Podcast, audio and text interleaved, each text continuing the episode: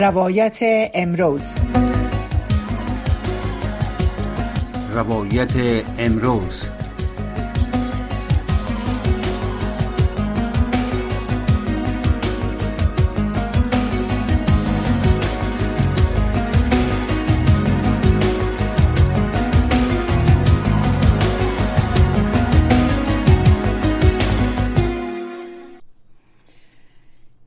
به زهد گرایید و گرد ساحل شد.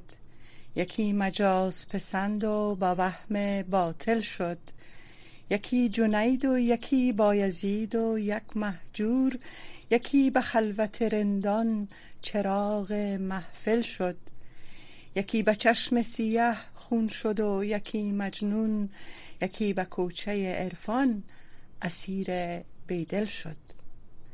شنونده های ارجمند روایت امروز رادیو آشنا و دوستداران همیشه صمیمی ادب و فرهنگ فارسی دری.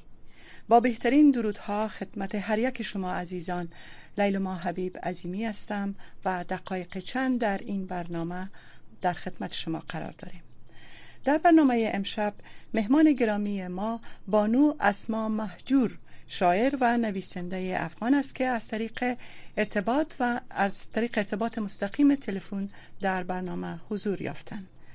اسما محجور شاعر و نویسنده است که قریحه سرایش شعر در وی ذاتی است اما با اونسی که به سخنوران بزرگ دارد استعداد و هنرش را در مسیر اشعار عارفانه سیقلی ساخته و به کمالات سخنوری رسیده است.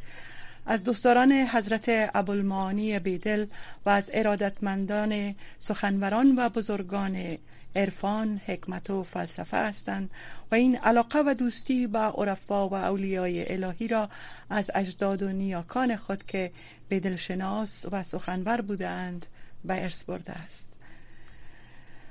اسما محجور روی خط تلفن تشریف دارن. اسما جان محجور با سلام و ارادت حضور شما سپاسگزار هستیم. از اینکه وقت گذاشتین برای برنامه روایت امروز خوش آمدین صفا آوردین. من بیدلانم. سلام عرض حرمت دارم خدمت شما و عزیز شنونده که همین لحظه آواز مرا از طریق برنامه وزین شما میشنوم ممنون شما تشکر می‌کنیم. بانو محجور شما در آغاز اگر اندکی در مورد خود در مورد تحصیل و کارهایتان صحبت داشته باشین بعد میریم سراغ پرسش های دیگر خدمت شما. بسیار خوب.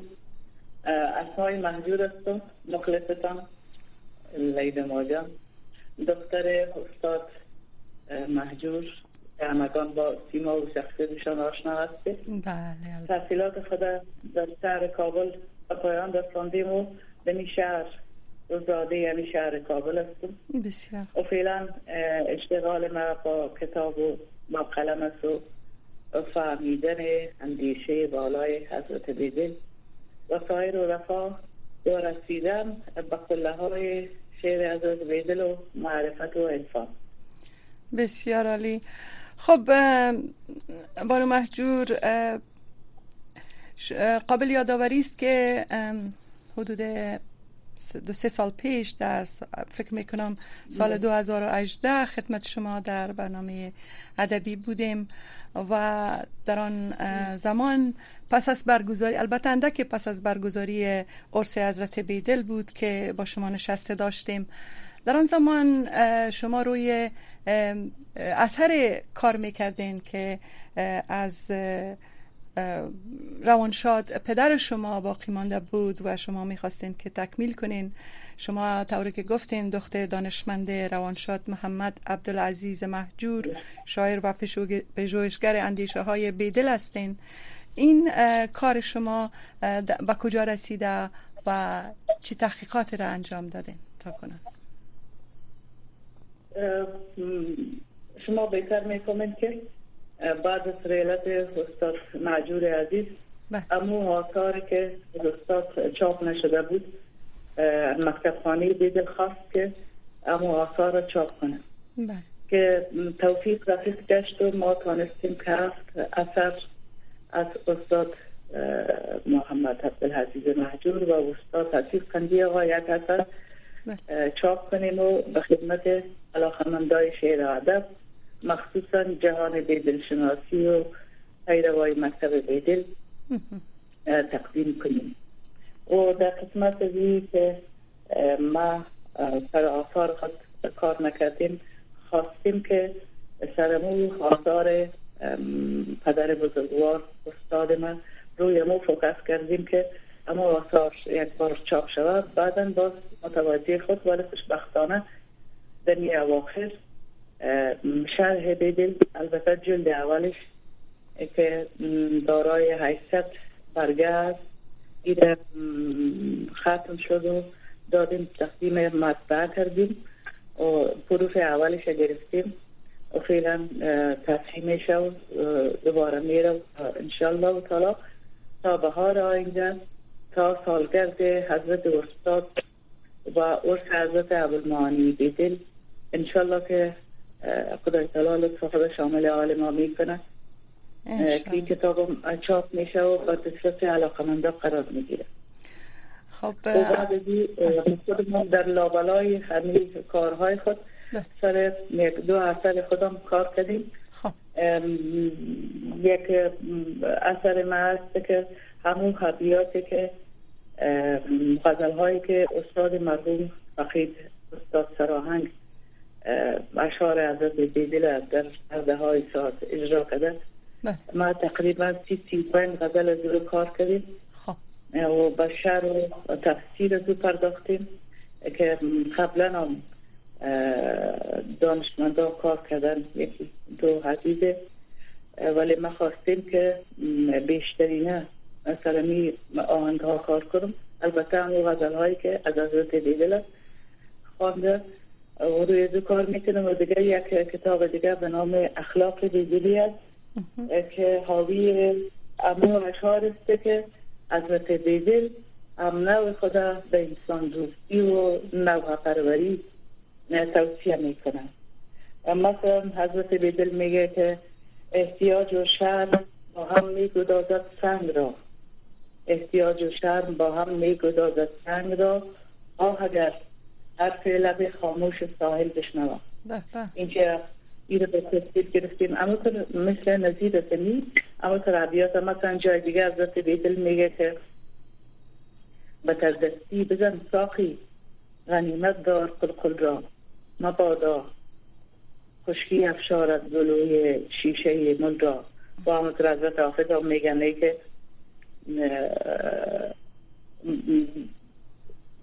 دایم گل این بستان. شاداب نمیماند دریاب ضعیفان را در وقت توانایی. و هم از قبیل همون ابیات ما انتخاب کردیم زاغ انتخاب کردیم و او را مورد تعلیل و تفسیر با همین فهم کوشک که دادیم دارم قرار دادیم. بله واقعا. خب اولتر از همه خو مبارک است کار شما که روی اثر پدر روانشادتان کار کردین و در دست چاپ رسیده خیلی جای خوشبختی است. باز هم بر شما تبریک میگیم. و موفقیت های بیشتر شما را آرزو می‌کنیم. همونطوری که شما خود میگین چی دشوار است. الفت ها که دیدم بسان چشم آوها را میدم. هوای مستی عرفان چی گویم؟ ز فیض عشق بر بیدل رسیدم. واقعا شما کارهای زیاده در این عرصه انجام دادین. خانواده بزرگ شما هم در این عرصه کارهای بینظیر انجام دادن که جهان ادب یا اجتماع جامعه ادبی افغانستان مرهون کارهای استادان بزرگ مثل پدر, پدر بزرگ شما و پدر روانشاد شما هستند خب شما در گذار چند دهه اخیر که در همزیستی با جریان ها و جنبش های عمده ادبی و سر این چی سبک را بیشتر بر خودتان حفظ کردین یا انتخاب کردین و راه خود را در راستای نویسندگی و شاعری با چی تحولات در این مدت طی کردین؟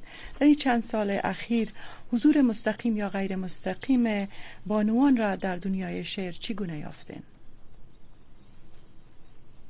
من مانند دیگه شاعرها و نویسنده ها و پژوهشگرای معاصر کشور با پدیده هایی که ناشی از تحولات معاصر افغانستان بوده بله. سر و کار داشتیم. قسما از رفتارهای فرهنگی و اجتماعی و سیاسی که در کشور ما رخ داده. در سروره های خود ما باستاب دادیم. اما توجه و سنت عرفانی که جنبه های معرفتی را داشته مورد توجه من قرار گرفته و قرار داشته. واقعا. خب سرنوشت شما قسما با شعر گیری خورده از آنه که خود را شناختین فکر کنم با شعر بیدل آشنایی داشتین و سایر سخنوران و سخنوران و عرفای ادبیات فارسی دری. که از طریق بزرگان خانواده با او آنس گرفتین. چی چیز شما را بیشتر به سوی شعر بیدل و اشعار عرفا جلب و جذب کرده؟ کدام بخشی از آثار آنها شما را جذب می‌کنه؟ بیشتر. همونطور که شما اشاره کردیم ما اصلا و اصالتا از خاندانی هستیم که نسل در نسل با شعر و حکمت و عرفان و ادبیات و ویژه سبک هندی و بیدل بوده. بله. اما که پدر و پدرسران ما چی در کابل و چی در بدخشان برای بهرمندی از کلام و بیان عارفان مجالس اونسه برگزار می‌کردن. و مهمترین هدف اینا از ها معرفت بوده که برای مشتاقا و معجورا ارائه می‌کردن و مهمترین چیزی که مرا به شعر کلاسیک به ویژه و بیدل و مولانا کشن پرسش های عمیقی بود که در باب جهان شناسی انسان معرفت شناسی و اخجوری در سروده هایشان بوده. و در این حال تعمل نسبت به چرایی در جهان و چگونگی بیترکیستن و راهکارهای و مسالمت آمیز و در موضوع دیگر. و البته در قسمت مجالس بر شما بگویم لیلای عزیز که بله. گرچه در این سالهای اخیر من اجتماعات است به خاطر ویروس کرونا. درست. که در تمام دنیا پخش شده. مگر ما جناب غوثی نخواستیم که همین شم خاموش شود و همین مجالس ما مش و ما فتیله گشتیم برای شم مجالس افانی و هدبی خود خوشبختانه. سال عرص حضرت بیدل به صورت درویشانه و مختصر همونطور سالگرد استاد اسیر عرص مبارکشانه و عرص مبارک و سالگرد استاد محجور عزیز. ما دنی کلبگک درویشانه و بیجیلی خود برگزار ساختیم. بسیار جمع از دوستان هدف و معرفت و پیروای حضرت بیدل و استاد مهجور و استاد حسیر اینجا حضور داشته بودن و جای شما خالی. و در خالی گشتی هر لحظه با حضرت بیدل هستیم مگر دوشنبه شبا هم نیست. ما و غوثی سیب و دوی دیگه ما یک شخصیت محبوب و معروف دلها جناب معروف جان پوکل هستن. ما نفس چارنسل می‌خوانیم و بعد بشر و تفسیر یک غزل حضرت بیدل می‌پردازیم. بسیار عالی. جمعتان همیشه جمع باشد و آفرین بر شما که در هر شرایط یاد بزرگان ادب را فراموش نمی کنین و در ارجگذاری از آنها همیشه قدم های استوار برداشتین بانوی بانو محجور عزیز شما از سبک هندی یاد کردین فکر می‌کنم سبکی را که برای خود انتخاب کردین سبک هندی است. آیا به شعر سپید یا نیمایی هم علاقه داشتین یا دارین یا در این قسمت کدامگاه کدام یا کدام وقت یا گاه پرداختین یا خیر. و ضمنا اگر نمونه از غزل از شما روی دست باشه برای شنونده عزیز بشنوانین. ما همیشه با آثار متقدمین سر و کار داشتیم چون همی آثار متقدمین یک سرمشق بسیار جاودان و عالی و در حین حال مظهر کمال است. بله. و در ما در طلب های غزل و ربایی و مخمس سروده ها داریم. بیشتر از بفرموده شما علاقه مندیم است و سبک این و, بیشترینه علاقه و عشق ما به اشعار حضرت عبالمعانی بیدل است. من کم و بیش به شیر, به شیر نیما و سفیدان توجه داشتیم. ولی همی شیر کلاسیک بیشتر پسندیدیم و خوش دارم سخنی را که در قید وزن و کافیه باشه. یعنی موزون باشه. ما یک غزل خود شما می‌خوانم. چی ما دو شاعر چیزم نیستم که شما بسیار در قسمت من محبت داریم. یک چند بیت می‌خوانم. برای شما. مشنویم بسیار. نامی غزل من. بله. چرخ فلک. دل من نازک است و چرخ فلک. دل من نازک است و چرخ فلک. شیشه هم را به سنگ می شکند. بر شکست دلم درنگ نکرد. هرچه را بی درنگ می شکند. یا سرمست می رسد به نظر. یا سرمست می رسد به نظر. رخ محجور رنگ می شکند. وادی عشق پر خطر باشد. وادی عشق پر خطر باشد. پای پشت بلند می شکند بشکند قدر سبو و کفم دل نداند چه رنگ می شکند کاسه صبر سر رود روزی. کاسه صبر سر رود روزی در دیار فرنگ می شکند بسیار نه واقعا قشنگ و ستودنی می سراین. بانو محجور چی زمان مجموعه از اشعار شما در دست چاپ خواهد رفت تا مستفید شویم و دوستان ادب از آن مستفید شوند؟ البته می‌دانم مسئولیتش بله. امی بهار آینده انشالله تعالی قسمت اعظم امی دو کتابی که ما به شما اصلایشان ذکر کردم. درست. مرش پیش رفته. انشالله تعالی که امی بهار نو شرح بیدلم جلد اولش خواد داشتیم. و از برکت امی بزرگا و دوستای خدا و روحانیت استادم و پدر بزرگوارم امی دو کتاب ما چاپ شد. بله. اگر دوست الهی شامل عالم باشه و زندگی باشه و حیات باشه و معشوق و پیمان وفا را نشکنانه موفقیت های مزیدتان را آرزو می‌کنیم. عمر دراز و سلامتیتان.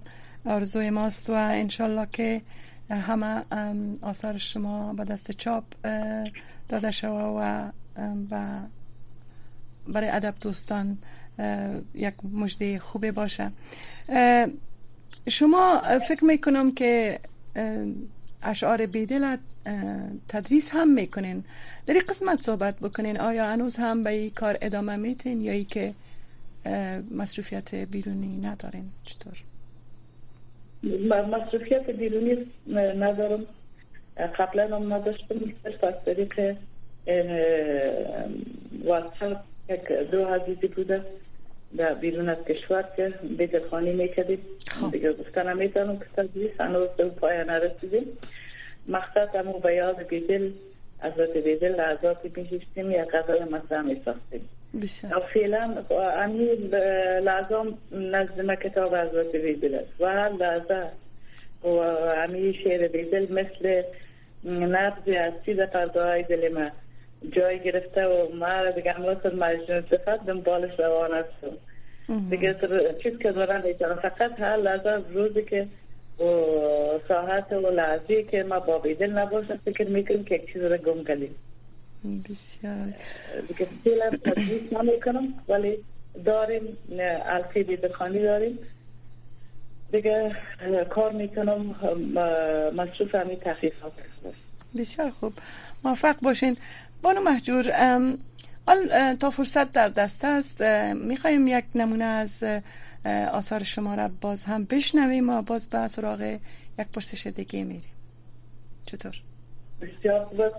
ما یک بند مخمس می‌خوانم. بسیار از خدا که بانی که نیز ذره کوچک هم گاهی در برابر روشنایی ها تجسم کنن شما خیلی تواضع دارین. واقعا ششار شما سیباست کابلی خبر داریم که در تورانتو میگه بله. که وقت شای کابلی در کانچه شهر دیلی به عیادت حضرت بیدل می‌رسه ابو موانی سخت دست می باشد حضرت شاه در چشمای حضرت مرزا دعا می‌خوانه و میگه که لحظه استراحت کو بعدا با موضوع صحبت می‌کنیم. درست. وقتی که حضرت بیدل چشم خدا باز می‌کنه می‌بینه که شاه کابلی در بالین می‌کنه و نجوا سر میته و میگه که خانه دل بستر رنگ بود ویران کرد و رفت. کلبه تاریک را باری چراغان کرد و رفت.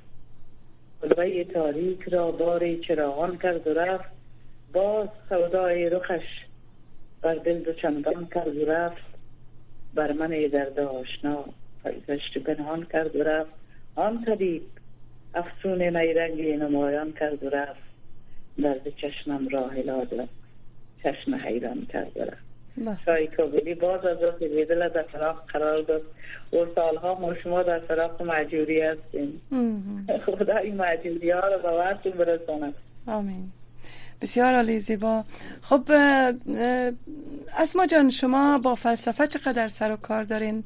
در اون مایه شعر شما بیشتر با کدام فلسفه گرایش داره؟ طبیعت شعر شما طبیعت جهان ما با هم چه ارتباط برقرار می‌کنه لیلای عزیزم فلسفه و اخلاق شما بهتر می‌فهمین که در روده های حضرت بیدل نقش مهم داره و شعر ما متاثر از ادبیات بیدلی است. حضرت بیدل میفرماید که چه مقدار خون در هدم خورده باشم. چه مقدار خون در هدم خورده باشم که بر خاکم هایی و من مرده باشم. اینجا بحث عدم و بحث وجود است.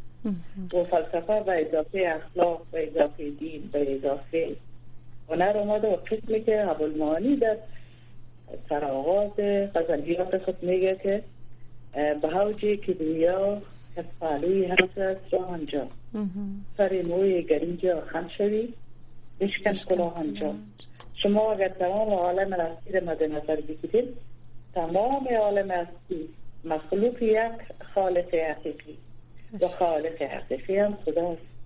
وقتی در معذر خدا و خالق حقیقی و وجود کل هستیم که باید غرور و کبر و دیگه را کلش ما کنار کنیم و در این بیت هم حضرت بیدل اما انسان با وزنی اصلیش که بارد از طاعت و بندگی متوجه می و از استکبار و غرور که ضد حبودیت از منع می‌کنه چون حضرت بیدل می‌فهمد که امی حد وسیله تقرب بسیار علی خب یک شاعر و منتقد ادبی گفته که قدرت ذهن شاعران معاصر به گرد قابلیت ذهنی شاعران بزرگ تاریخ ادبیات ما نمی‌رسه.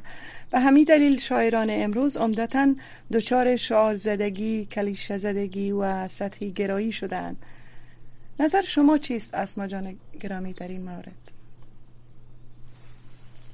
راجع به شعار زدگی و کلیشه زدگی و سطح نگری شاعرای امروز. حد زیاد یرفا ست می‌کنه و ثابت است. بله. و این دلیل متاسفانه روند بر ارزش ادبیات و صنایع ادبی بیشتر کم شده. و کمی بیشتر پیدا کرده و به بنیان های ادبی کمتر توجه صورت می‌گیرد و مشیر معاصر ما با عوادث با عوادث معاصر پیوند زده میشه و های انسان که ندارد تحولات معاصر در نگاه شاعران تا حدود استطره پیدا کرده اما این مسئله به های تمامی شاعرای امروز ما جست نمی‌کنه که شما بهتر رو خودتر می‌دانید بسیار تشکر. وقت بسیار کم مانده و ما یک سوال دیگه هم مطرح می‌کنم. اگر فشرده صحبت بکنین و انشالله که در برنامه های آینده باز پی می‌گیریم پرسش هایی را که باقی مانده. فقدان مسائل بنیادین در شعر معاصر و بحث بگیرین کوتاه. البته خیام و مولانا و حافظ و سعدی و امثال آنها در صدر قرار دارند و نظر جهانیان جلب کردند. آنها پرسش و آزمونی را ایجاد کردند که پرسش همه انسان ها و ابنای بشر بوده است. اما آیا این ویژگی ها در ادبیات معاصر ما چگونه بوده؟ آیا ما در ادبیات معاصر خود او حکمت و عمق را که نتیجه یک نگاه و آزمون جهانی است را داریم به نظر شما؟ راجع به این مسئله حجمارم خدمت شما برد برسانم که در بعضی از مقطع زمانی صاحب شاعرها و نویسنده های ما در عرصه ادبیات و مسائل بنیادین توجه داشته اما توجه توجه معدود به های خاص نبوده. درست. زمان می‌تونیم که بعد مصدور یا خواب قبول برسیم که جدیدترین اثر را جدیدترین اثر ارزشمند را در حوزه مولانا و بیدل در حکمت عرفانی و ادبی تعلیف کرده باشیم. و در مبانی و وساط نیازهای جامعه صورت می‌گیره فکر می‌کنم که شاعران و پژوهشگران ما به این هم توجه داشتند. ولی مسئول به که ما اثر ارزشمند داشته باشیم. و اثری که قابل قبول و قابل ارائه باشه بسیار تشکر بانو محجور گرامی ناگزیر هستیم که با شما خداحافظی کنیم. اگرچه دل ما نمی‌خوایم می‌خواستیم بیشتر از شما بشنویم و بیشتر از سروده هایتان را بشنویم چون که دسترسی به اشعار شما کمتر است در رسانه ها ولی باز هم سپاسگزار هستیم از حضور گرم شما از حضور صمیمانه شما در برنامه روایت امروز. موفقیت های مزید شما آرزوی ماست. تشکر می‌کنم. شب رفت و عدیث ما با پایان نرسید. شب را چی گونه ما بود. بسیار تشکر. ممنون که وقتی گرافه های برای ما دادین یک جان ممنونتم لیلای عزیز. ممنون شما. تشکر می‌کنم. باشه. شما همچنان شنونده های ارجمند برنامه روایت امروز در اینجا با پایان می‌رسد. تا هفته آینده که باز هم خدمت شما قرار خواهد داشتم شب و روز خوشی داشته باشین. حال برنامه نن وضعیت با گردانندگی و گویندگی زیبا خادم آغاز میشه. شنونده رادیو آشنا باشین.